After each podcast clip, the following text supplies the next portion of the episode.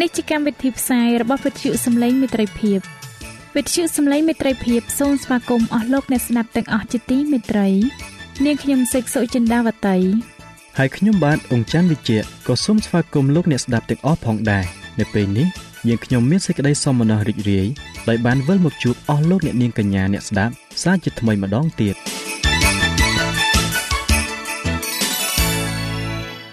នាងខ្ញុំសេកសុចិន្តាវតី សូមជម្រាបជូនកម្មវិធីផ្សាយដែលមានជាបន្តបន្ទាប់ដូចតទៅ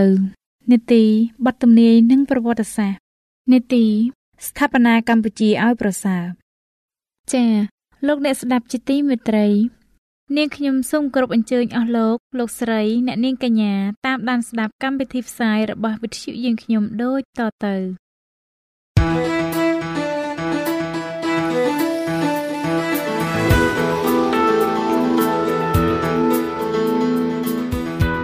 សូមជូននីតិបទទំនាយនិងប្រវត្តិសាស្ត្រ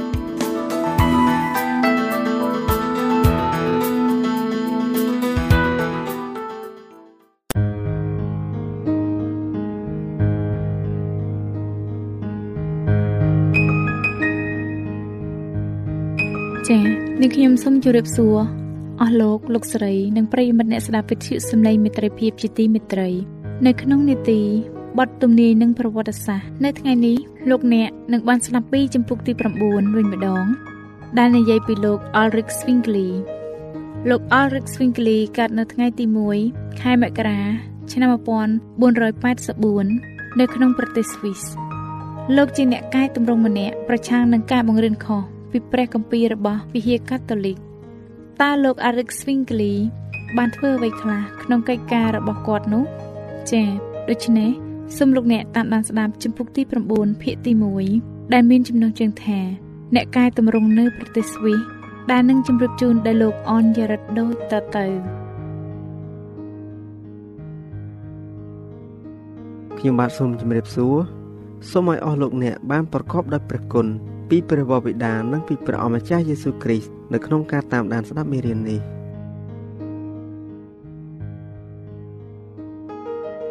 2ឬ3សប្តាហ៍បន្ទាប់ពីកំណើតរបស់លោក Luther នៅក្នុងកតោមរបស់អ្នកជីករ៉ែនៅប្រទេសសាក់សូនីនោះ Ulrich Zwingli ក៏បានកើតមកនៅក្នុងខ្ទមរបស់អ្នកកងវាលសัตว์នៅឯជួរភ្នំអាល់ដែរដោយបានទទួលការចិញ្ចឹមបីបាច់នៅក្នុងកណ្ដាលទស្សនីយភាពនៃធម្មជាតិដ៏ពោពេញទៅដោយសភាពរុងរឿងឧត្តម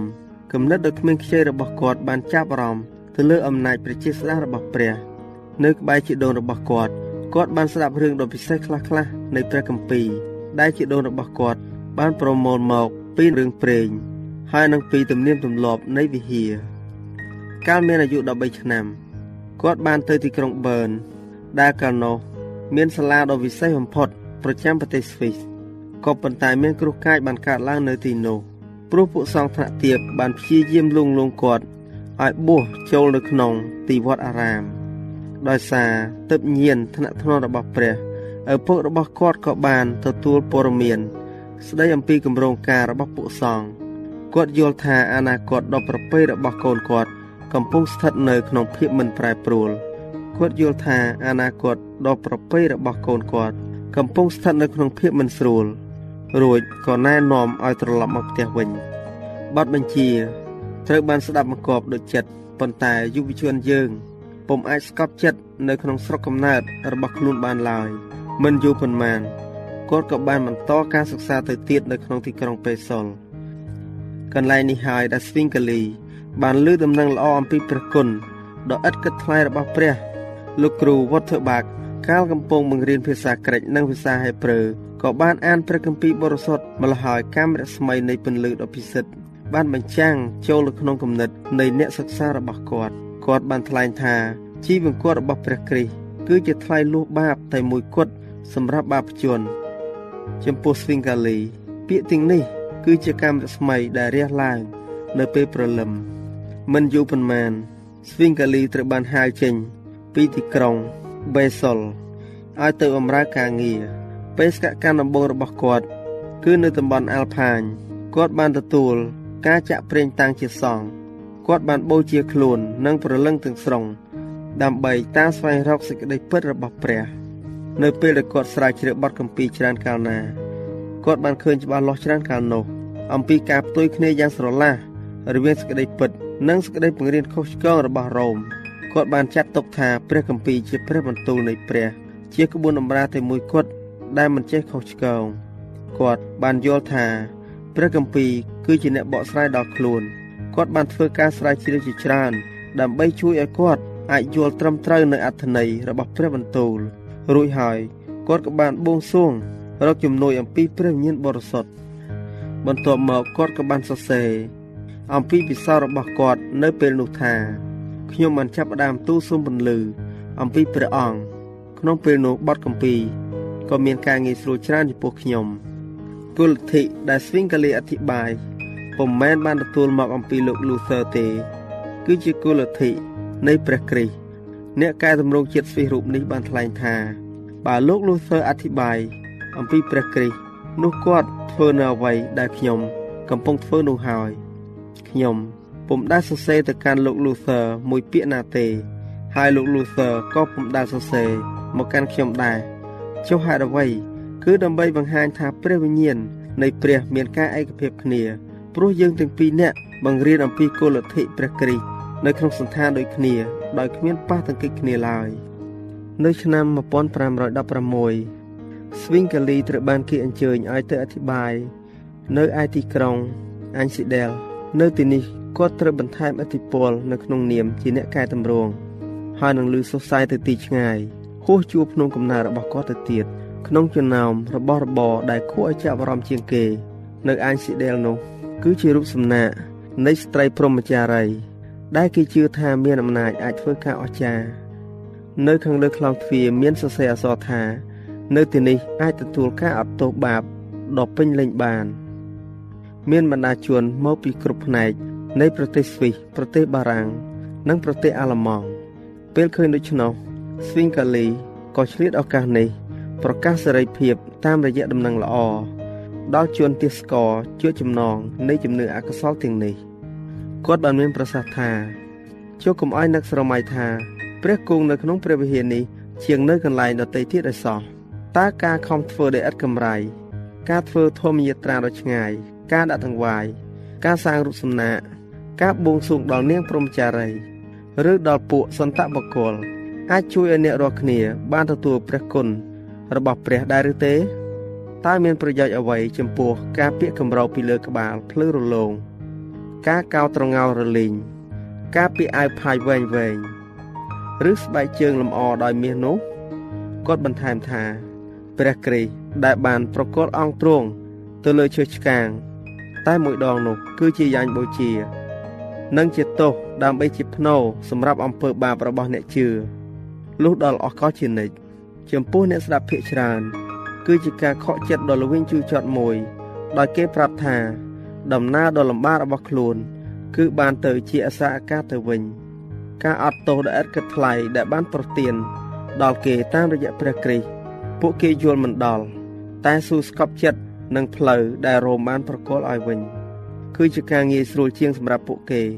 ក្នុងការបង្កងសេចក្តីសង្គ្រោះរបស់ខ្លួន ទៅលើពួកសង្ឃនិងស្ដេចបាប ជាជាងស្វែងរកភាពស្អាតស្អំនៃចិត្ត ប៉ុន្តែក្រុមមួយទៀតបានទទួលដោយអំណរនៅដំណឹងនៃសេចក្តីសង្គ្រោះតាមរយៈព្រះគ្រីស្ទហើយបានទទួលយកព្រះលិហិតនៃព្រះអង្គសង្គ្រោះទុកជាទីស្ងប់រងាប់របស់ខ្លួនដោយជំនឿវិញ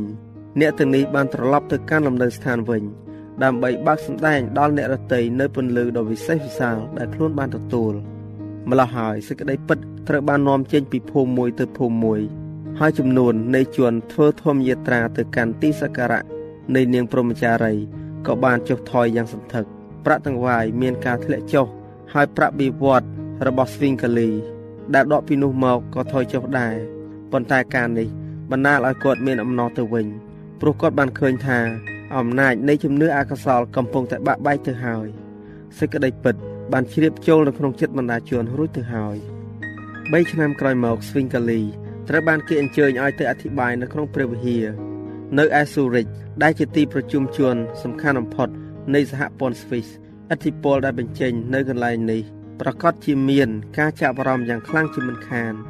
ពួកសាស្ត្រាចារ្យបានបង្គាប់ឲ្យគាត់ឲ្យធ្វើតាមមុខនីតិដូចតទៅ លោកត្រូវតែប្រើឥទ្ធិពលគ្រប់បែបយ៉ាង ដើម្បីប្រមូលប្រាក់ចំណូលដោយមិនខ្វល់ពីអ្វីទាំងអស់លោកត្រូវព្យាយាមបង្កើនប្រាក់ចំណូលពីអ្នកជំងឺពីពិធីបុណ្យម៉ាស់ហើយជាទូទៅ គឺពីគ្រប់ទៀងពិធីសាសនាទាំងអស់ចំពោះផ្នែកអភិបាល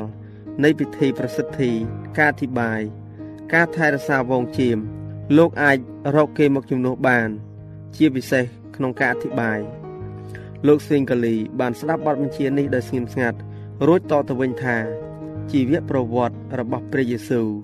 បានលាក់កំបាំងពីបណ្ដាជនយូរមកហើយខ្ញុំនឹងអធិប្បាយពីដំណឹងល្អតាមលោកម៉ាថាយទាំងមូលតែម្ដង គឺដើម្បីសេរីល្អរបស់ព្រះ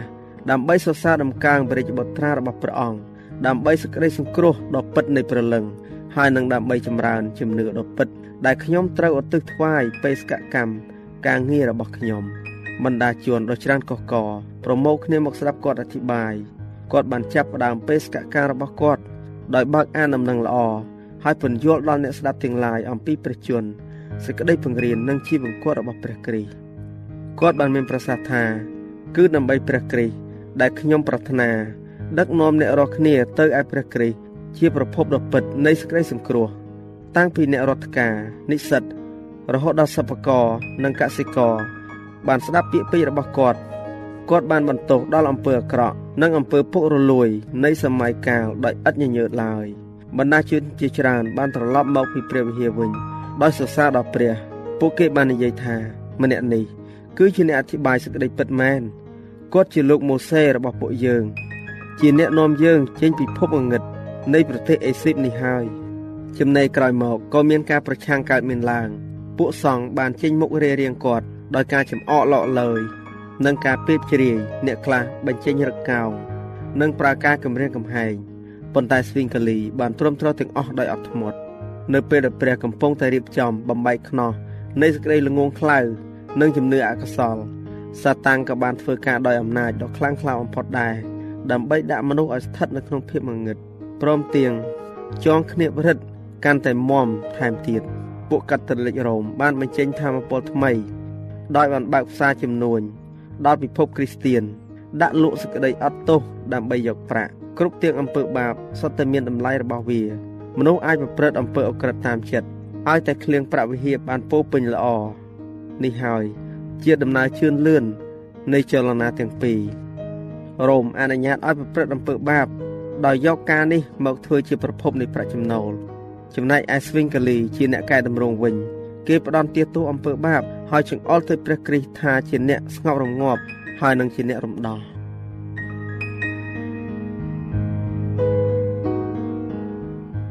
ចា៎ដោយពេលវេលាមានកំណត់យើងខ្ញុំសូមអនុទី បទទំនាយនិងប្រវត្តិសាស្ត្រត្រឹមតែប៉ុណ្ណឹងសិនចុះដោយសន្យាថានឹងលើកយកនីតិនេះមកជម្រាបជូនជាបន្តទៀតនៅថ្ងៃអង្គារសប្តាហ៍ក្រោយ សូមអរគុណ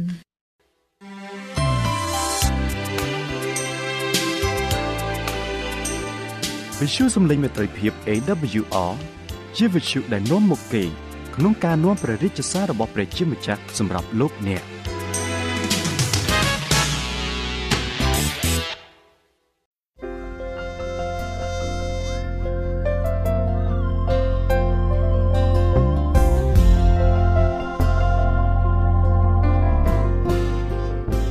ខ្ញុំសេកសុចិន្តាវតីសូមជម្រាបសួរប្រិយមិត្តអ្នកស្ដាប់វិទ្យុសំឡេងមិត្តភាពជាទីមេត្រីនាងខ្ញុំមានសេចក្តីអំណរណាស់ដែលបានវិលមកជួបលោកអ្នកសាជាថ្មីម្ដងទៀតនៅក្នុងកម្មវិធីថັບផ្នែកកម្ពុជាឲ្យប្រសើរនៅថ្ងៃនេះនាងខ្ញុំសូមលើកយកភាគទី3នៃមេរៀនទី5ដែលជាភាគបញ្ចប់ មានចំណងជើងថាមាសប្រាក់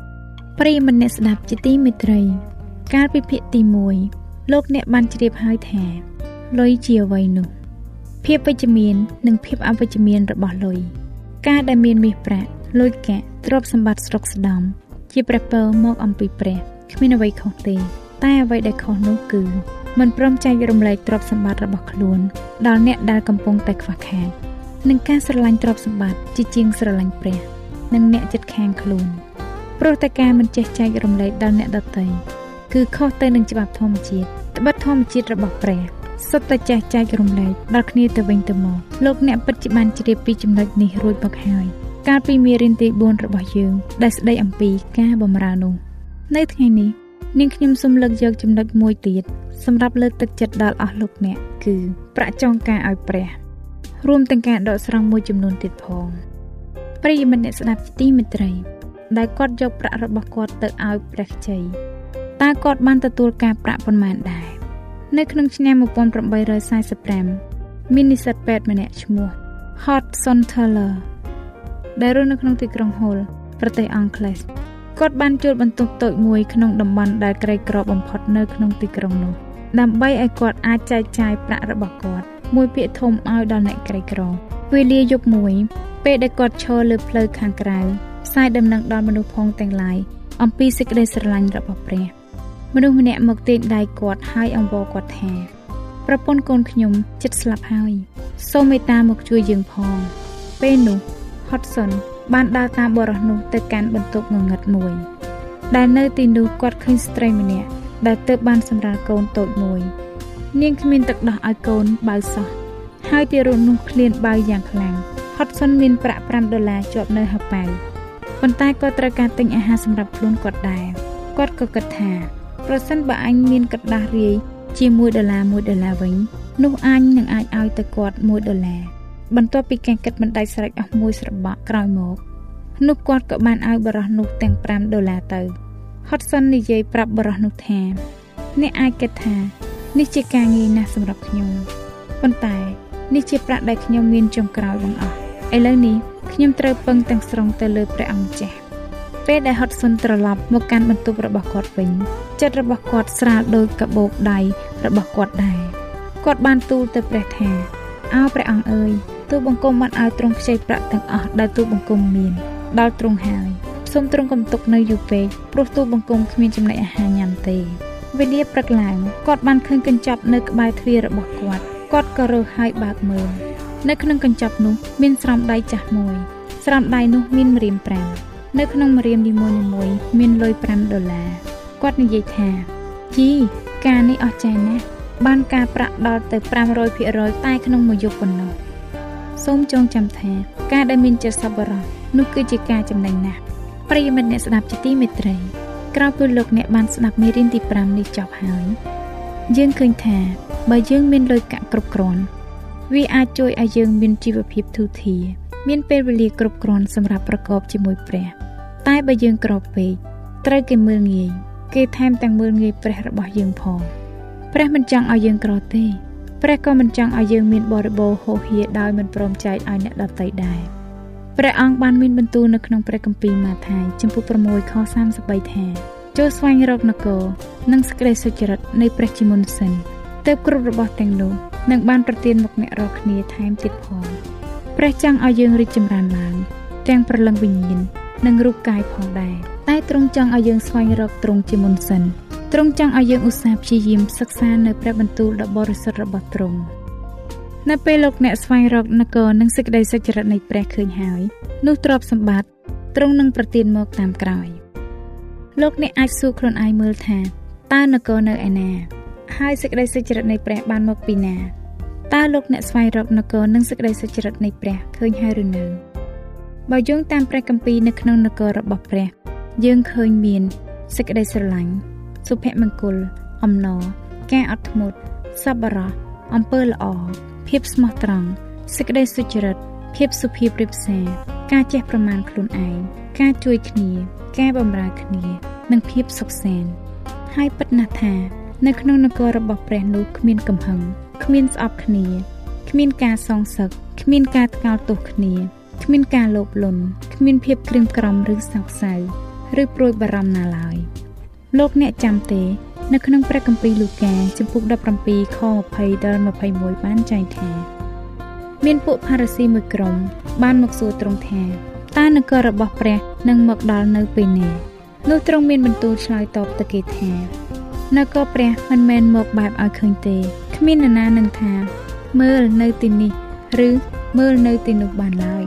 ត្បិតមើលនគរព្រះនៅកណ្ដាលអ្នករាល់គ្នាហើយតាមរយៈព្រះបន្ទូលទ្រង់តើនគររបស់ព្រះស្ថិតនៅឯណា គឺស្ថិតនៅក្នុងចិត្តអ្នកនេះឯងសូមធ្វើចិត្តយើងឲ្យបានដូចជាស្ថានសួគ៌ពិតប្រាកដរបស់ទ្រង់សិនដូច្នេះអ្វីដែលឃើញនៅក្នុងនគរព្រះត្រូវតែមាននៅក្នុងចិត្តរបស់យើងដែរតើសេចក្តីសុចរិតបានមកពីណាសេចក្តីសុចរិតកើតចេញពីជំនឿ ត្រូវមានជំនឿយ៉ាងមុតមមហើយឥតងាករេជឿលើអ្វីដែលមើលមិនទាន់ឃើញក្រោយពីរកនគរនិងសេចក្តីសុចរិតនៃព្រះឃើញហើយលោកអ្នកអាចសុំព្រះទៅបានហើយសូមទូលថ្វាយព្រះអង្គម្ចាស់នៅអ្វីដែលអ្នកត្រូវការព្រះអង្គសន្យានៅក្នុងព្រះគម្ពីរម៉ាថាចំពុក7ខ7ដល់ខ8ថាចូលសូមនោះតែងនឹងឲ្យមកអ្នកចូលរកនោះតែងនឹងឃើញចូលគោះនោះតែងនឹងបើកឲ្យអ្នកបិទអ្នកណាដែលសូមនោះរមែងបាន អ្នកណាដែលរកនោះរមែងឃើញហើយនឹងបើកឲ្យអ្នកណាដែលគោះដែរលោកអ្នកត្រូវតែសូមដោយមានចិត្តជឿត្បិតព្រះអង្គបានសន្យានៅក្នុងព្រះគម្ពីរម៉ាថាយចំពុក21ខ22ថាហើយគ្រប់ទាំងសេចក្តីអ្វីដែលអ្នករាល់គ្នានឹងអធិដ្ឋានសូមដែលមានចិត្តជឿនោះនឹងបានសម្រេចទាំងអស់ហើយរឿងដែលសំខាន់មួយទៀតនោះគឺការចេះដឹងគុណព្រះគម្ពីរបានប្រាប់យើងថាចូលអរព្រះគុណក្នុងគ្រប់ការទាំងអស់ ពីព្រោះព្រះទ្រង់សពព្រះハរតីឲ្យអ្នករាល់គ្នាធ្វើយ៉ាងដូច្នោះនិងខមួយទៀតបានប្រាប់ថាទាំងអរព្រះគុណដល់ព្រះជាព្រះបបិតាជាដរាបក្នុងគ្រប់ការទាំងអស់ដែលនៅព្រះនាមព្រះយេស៊ូវគ្រីស្ទត្រូវស្កប់ចិត្តនៅអ្វីដែលខ្លួនមានយើងត្រូវតែដឹងគុណព្រះព្រោះទ្រង់ជាព្រះអធិការដែលបង្កើតអ្វីៗទាំងអស់សម្រាប់យើងត្បិតសេចក្តីស្រឡាញ់និងការដឹងគុណនឹងរំលាយនៅភាពអវិជ្ជមានទាំងអស់នៅក្នុងជីវិតរបស់យើង មិនថាមានបញ្ហាអ្វីក៏ដោយសេចក្តីស្រឡាញ់និងការដឹងគុណអាចញែកសមុទ្ររើភ្នំនិងបង្កើតភាពអស្ចារ្យបានអស់លោកលោកស្រីអ្នកនាងកញ្ញាអ្នកស្ដាប់វិទ្យុសំឡេងមិត្តភាពជាទីមេត្រីឥឡូវពេលវេលារបស់យើងដល់កំណត់ហើយនាងខ្ញុំសេកសុចិន្តាវតីសូមជម្រាបលាលោកអ្នកស្ដាប់ត្រឹមតែប៉ុណ្ណេះសិនចុះដោយសន្យាថានឹងវិលមកជួបអស់លោកអ្នកម្ដងទៀតនៅពេលក្រោយសូមឲ្យលោកអ្នកបានចម្រើនឡើងក្នុងព្រះគុណ ហើយក្នុងការដាស់ស្គាល់ដល់ព្រះយេស៊ូវគ្រីស្ទជាព្រះអង្គម្ចាស់និងជាព្រះអង្គសង្គ្រោះនៃយើងរាល់គ្នាសូមឲ្យទ្រង់បានសេរីល្អដរាបដល់អកលជានិច្ចអាមែន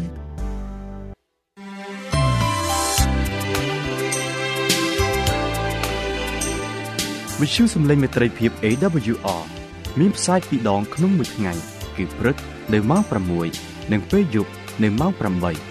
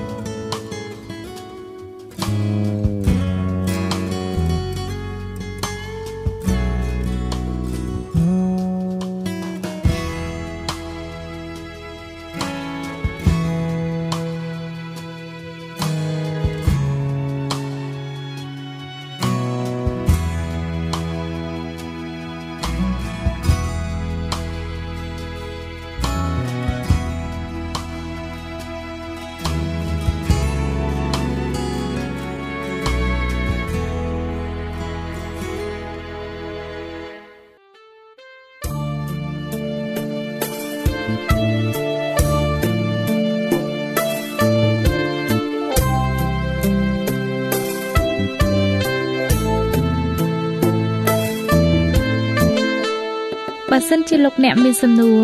ឬសំណុំពរអ្វីសូមតាក់ទងមកការិយាល័យវិទ្យុយើងខ្ញុំ តាមអាស័យដ្ឋានផ្ទះលេខ15ផ្លូវលេខ568សង្កាត់បឹងកក់2ខណ្ឌទួលគោករាជធានីភ្នំពេញលោកអ្នកក៏អាចសរសេរសម្បត្តិផ្ញើមកយើងខ្ញុំ តាមរយៈប្រអប់សម្បត្តិលេខ488ភ្នំពេញឬតាមទូរស័ព្ទលេខ012 34 96 64ឬ097 80 81 060ឬក៏តាមរយៈអ៊ីមែល vol@awr.org យើងខ្ញុំរងចាំទទួលស្វាគមន៍អស់លោកអ្នកនាងដោយក្តីសោមនស្សរីករាយហើយលោកអ្នកក៏អាចស្ដាប់កម្មវិធីនេះឡើងវិញ ដោយចូលទៅកាន់ website របស់វិទ្យុយើងខ្ញុំ តាមរយៈអាស័យដ្ឋាន www.awr.org